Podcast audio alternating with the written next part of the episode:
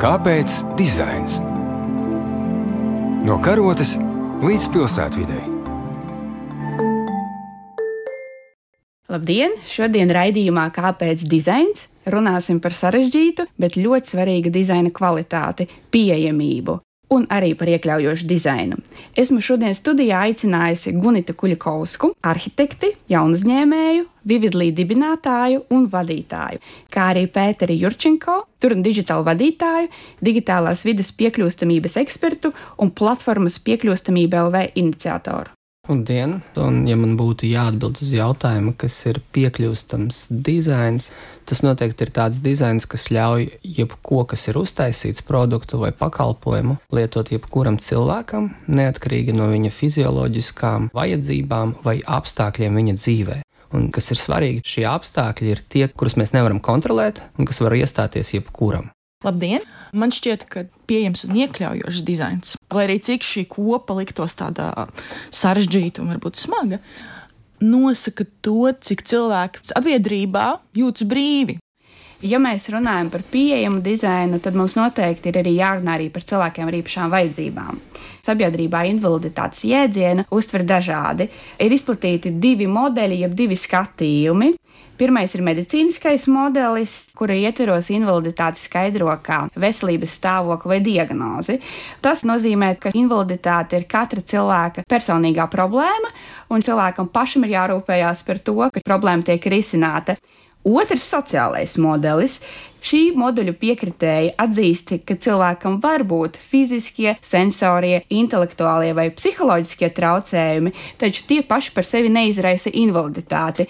Tas, kas izraisa, ir barjeras, negatīvā attieksme un izslēgšana no sabiedrības. Ja mēs balstāmies uz sociālo modeli, tas nozīmē, ka dizaineri, arhitekti un virkne citu jomu pārstāvi veidojot dažādu veidu risinājumus, ir līdzatbildīgi apstākļu radīšanā, kas definē invaliditāti. 1997. gadā Dienvidāfrikas Nacionālās politikas plānošanas dokumentā tiek minēta trāpīga tēze. Kāpnes ir tas, kas cilvēku ratiņkrēslā padara par nespējīgu, nevis ratiņkrēslis. Gunita, Tu esi arhitekte un darbojies arī tehnoloģiju jomā. Tevis dibināts jaunu uzņēmums Vividlī virtuālo realitāti pārvērš par mediju labākas arhitektūras un pilsētplānošanas veidošanai. Kas, tavuprāt, ir iekļaujoša vide ļoti labi, ka iedod tādu insightu ja, par to, ka ir šie divi stāvokļi. Man liekas, ka ir vēl trešais, bet es nemāku to noformulēt. Tāds tā politiskais stāvoklis vai sabiedrības attīstības varbūt stāvoklis. Pēdējā laikā pilsētā plānošanā ļoti aktīvi runā par mobilitāti un par mobilitāti nevis kā par eh, ceļu infrastruktūru, gājēju pārējām un eh, velo joslām, bet par mobilitāti kā arī vienu no faktoriem, kas varētu izslēgt segregāciju, jeb kādu sabiedrības grupu nošķiršanu. Nevis tas, ka mums ir ātrvilciens, bet tas, ka eh, jebkurš no pilsētas attālākajiem reģioniem var iekļūt pilsētā. Un tas pats attiecās arī cilvēkiem ar dažādu veidu invaliditāti veidojot jaunus projektus, arhitektūru un arī pilsētu projekts analizējot, izmantojot tam virtuālo realitāti. Mēs simulējam dažāda veida pieredzes no visu cilvēku skatu punkta. Tā skaitā arī kā bērns lietotu mūsu centrālo staciju vai māmiņa ratiņiem. Šodien nācu cauri vilcienu stacijai, tur ir uzlikta tāda liela šiltīte, kas pasaka, ka, ja jums ir nepieciešama palīdzība ar bērnu ratiņiem, tad jūs varat zvanīt pa šo telefonu numuru, kur 30 minūšu laikā kāds atnāks un palīdzēs jums. Kas man likās tā kā, what, kāds vispār ir iespējams ir pilnīgi skaidrs, ka nedz arhitekts, nedz plānotājs, nedz eh, attīstītājs nevar iekāpt visās kurpēs un nevar izanalizēt un radīt tādu dizainu, kas visiem būtu saprotams, lietojams. Bet šobrīd jau eksistē rīki, kurus ir muļķīgi neizmantot, lai spētu iedomāties, kā ir lietot centrālo staciju ratiņkrēslā. Man vienmēr patīk domāt par lietām piekļūstamībā no ieguvuma viedokļa. Un pilsētu plānošanā, kas ir Gunits lauciņš, ir nobrauktuves, kuras kaut kad ieviesā ar noteikumiem, ka nevar uztaisīt bez nobrauktuves. Sākotnēji bija doma par invaliditāti, bet statistiski viņus izmanto jebkas, kam ir riteņi. Tie ir riteņbraucēji, ratiņi, un tās ir somiņas veciem cilvēkiem, kas ir uz riteņtiņiem un iegūst visi. Tu nevari iztēloties to, ko tu nesaproti, un tāpēc sākotnēji no ārpuses pasaka, ka vajag šādi, un tad ir visu pārējo uzdevums paskaidrot, jo cilvēkam nesaskatot iegūmus grūti to ieviest.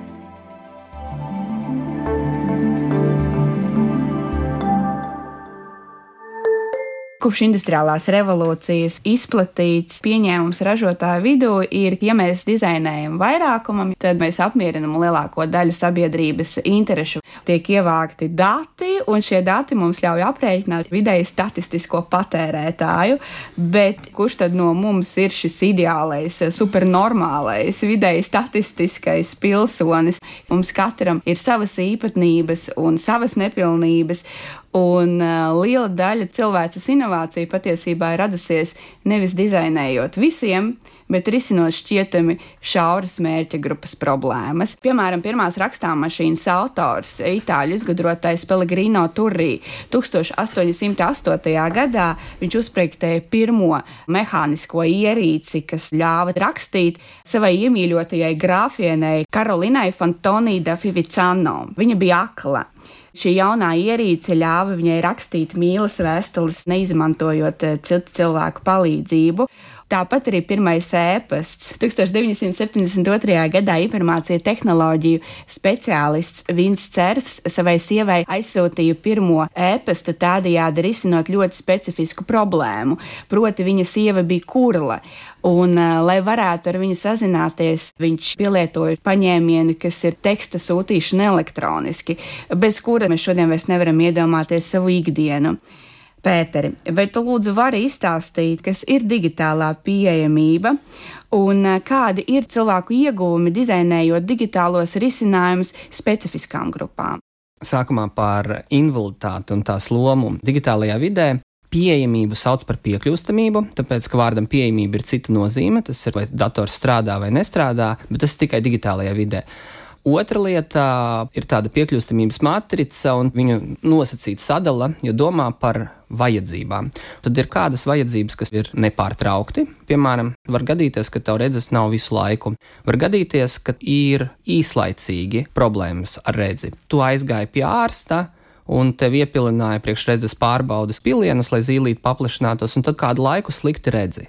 Un trešais ir situatīva, kad ir apstākļi, piemēram, tu atrodies pludmalē, spilgtā salvē un mēģina lietot telefonu, un tu slikti redzi, jo nav pietiekams kontrasts. Līdz ar to par invaliditāti runā četri veidi - redze, dzirde, uztvere, kustības. Tad ir vēl trīs, ka visu laiku, kaut kādu brīdi, un tad ir apstākļu radīta. Ja to saliek matricā, tad saprot arī visiem pārējiem. Ir ieguvumi no tā, ka šīs lietas tiek atrisinātas vai par viņām tiek domāts. Otrs par universalitāti, kas der visiem vai vidējiem. Labs piemērs ASV lidmašīnām gribēja uzprojektēt pilota krēslu. Ko darīt? Pamēģinam nomērīt visus pilotus un uztaisam krēslu, kas der visiem.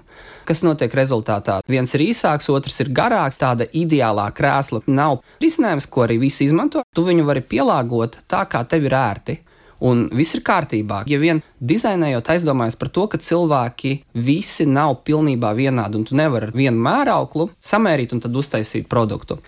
Trešais punkts par digitālo vidi un mājaslapām. Mums raksturīgi domāt par invaliditāti, ir, kas viņus uz ielām neredz, varbūt viņu nav. Bet nevarētu pārmest cilvēkam ratiņkrēslā, ka viņš nelieto trepes. Jā, jo viņi viņas nevar lietot. Tāpat ir ar mājaslapām ir trīs apstākļi, kas mudina mājaslapas sakārtot juridiskais, morāli ētiskais un biznesa faktors, bet Latvijā mēs neesam līdz tam tikuši, mēs neesam par to domājuši. Bieži vien pakalpojumi, kas ir fiziski pieejami, kad viņu dizainē vai padomā par to, ka viņu lietos dažādi cilvēki. Piemēram, ko darīt cilvēkam, kas ratiņkrēslā piebrauc pie pakomāta, ievada kodu un atverās augšējā kastīte. Vai cilvēks, kuram ir redzes traucējumi, atnāk pie pakomāta un grib izņemt savu paciņu. Jo telefonā viņš visas īsiņas, visu adresi var izlasīt. Pie pakomāta vienkārši stāsts beidzās. Un tā nav nevēlēšanās, tā ir neaizdomāšanās, kad kāda lieta tiek plānota vai dizainēta.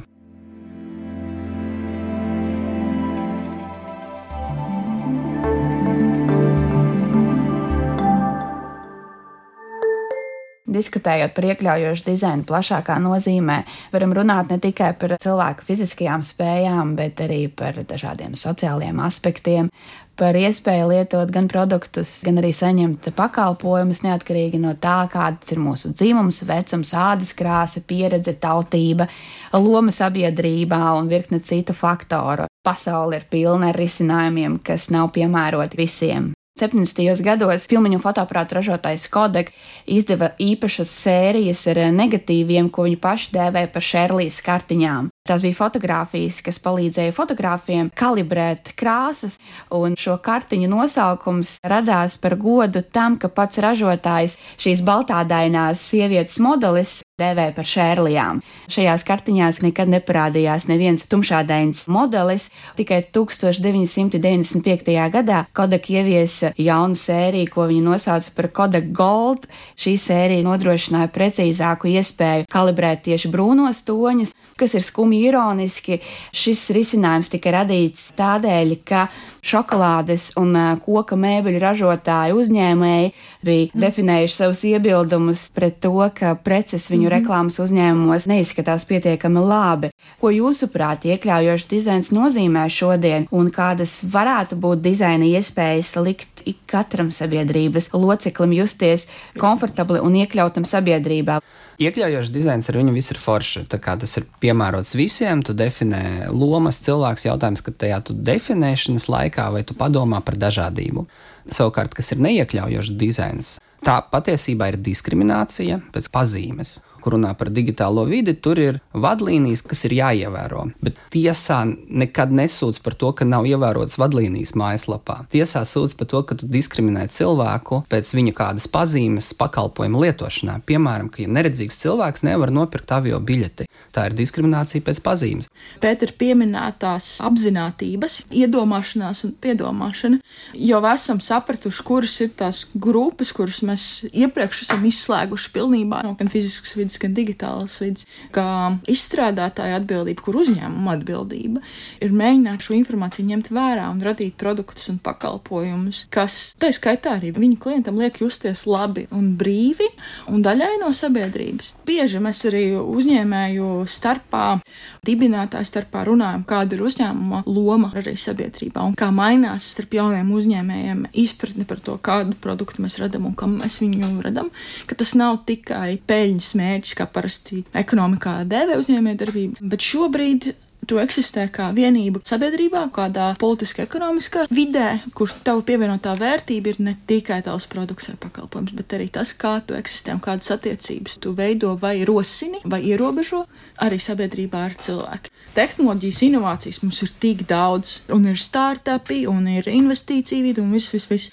Bet man liekas, ar katru brīdi aug tā distance starp sabiedrību kā tādu un šīm inovācijām un tehnoloģijām. Mēs neinovējam sociālajās kaut kādos modeļos, neinovējam politikā. Jā, mums vēl ar vienu ir liberāli, konservatīvi, labie, kreisie, centriskie, lai gan pasaule taču ir mainījusies. Un man liekas, ka pieejamība un iekļaujošs dizains šajā visā kontekstā veidot saikni, ka mums ir cilvēka aspekts un cilvēciskuma, es gribētu pat teikt, aspekts, kas tiešām, kā jau es minēju, referē uz to brīvības vērtību.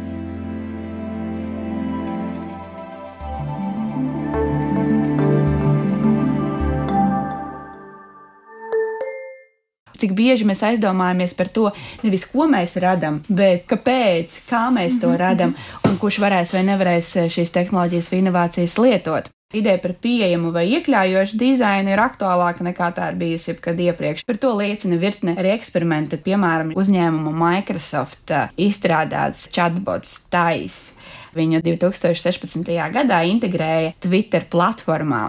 Tā ja mērķis bija izmantojot mašīnu mācīšanās principus, apgūt veidu, kā cilvēki komunicē, un 16 stundu laikā šis nabaga chatbots taisa pārvērtās par absolūti aizskarošu rasistu. Viņa eksistence ar to arī beidzās. Ar kādiem izaicinājumiem, veidojot šīs jaunās tehnoloģijas, jūsuprāt, mēs saskarsimies gan digitālajā, gan fiziskajā vidē? Datori ir nomainījušies, nomainījušās ir saskarnes, bet vajadzība, kāpēc cilvēks to dara un tas saturs, kuru viņš grib no tā datora uztvert vai saprast vai miedarboties, paliek diezgan nemainīgs. Kas ir piekļūstamības viens no bonusiem, ir tā gatavība nākotnē. Proti, ja tu paredzi, ka cilvēki ir dažādi un viņi tavu sistēmu vai rīku var lietot, atmetot kādu no maņām, un tad plānot to priekš tā. Tagad ienāk vietpalīgi, jeb balss asistenti, un lapas, kas ir piekļūstamas, ar viņām daudz vieglāk būs miedarboties no skaņas saskarnes viedokļa.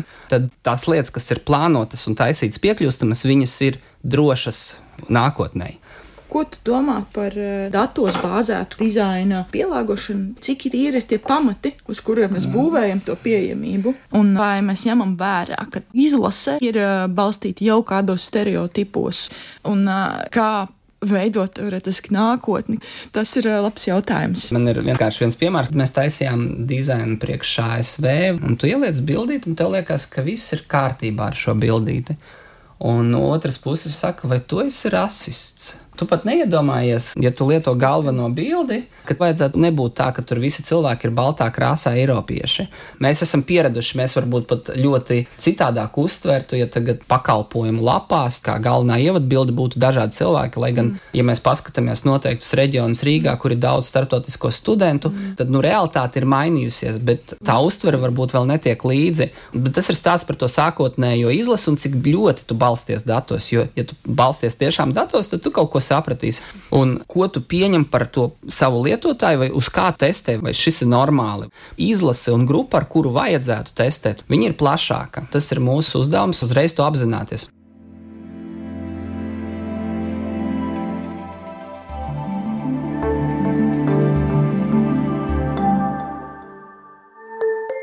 Runājot par izējas datiem, un skaidrs tas, kas e, šobrīd ir iespējams ar jaunākajām tehnoloģijām, ir mēroga paplašināšana. Ja tu kļūdies, tā kļūda var maksāt krietni dārgāk. Tā sabiedrībai kopumā Jā. tā kļūda maksā, jo atkal tā distance ar cilvēkiem aug, tāpēc, ka, kā jau mēs sākumā minējām, mēs viņus neredzam. Mēs neredzam, ka mums īstenībā ir 6-7 tūkstoši ārzemju studenti no dažādām Āzijas valstīm. Ja? Un mēs uzskatām, ka mēs esam tik ļoti monogēna sabiedrība, bet mēs īstenībā neesam. Varbūt tad, ja mums ir vairāk šīs informācijas, kurā mēs to patrādām un leģitimizējam, mums arī sabiedrība ietekmējas, mainās.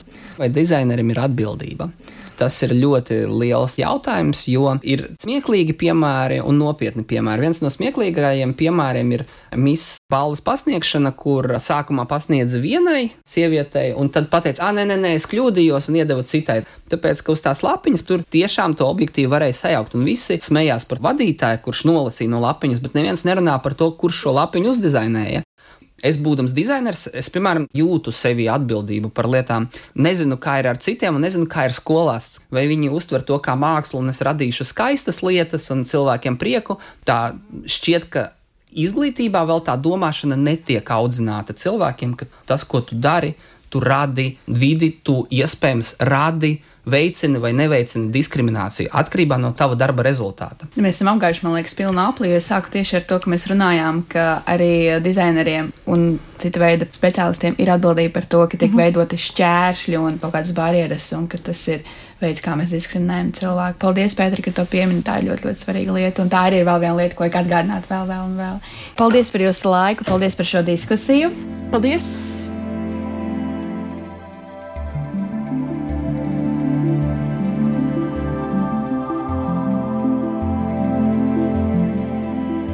Raidījumu vadīja Jelena Solovjova, montēja Andra Černievska, raidījums tapis ar valsts kultūra kapitāla fonda atbalstu. Kāpēc dizains? No karotes līdz pilsētvidē. Pirmdien, 9.5.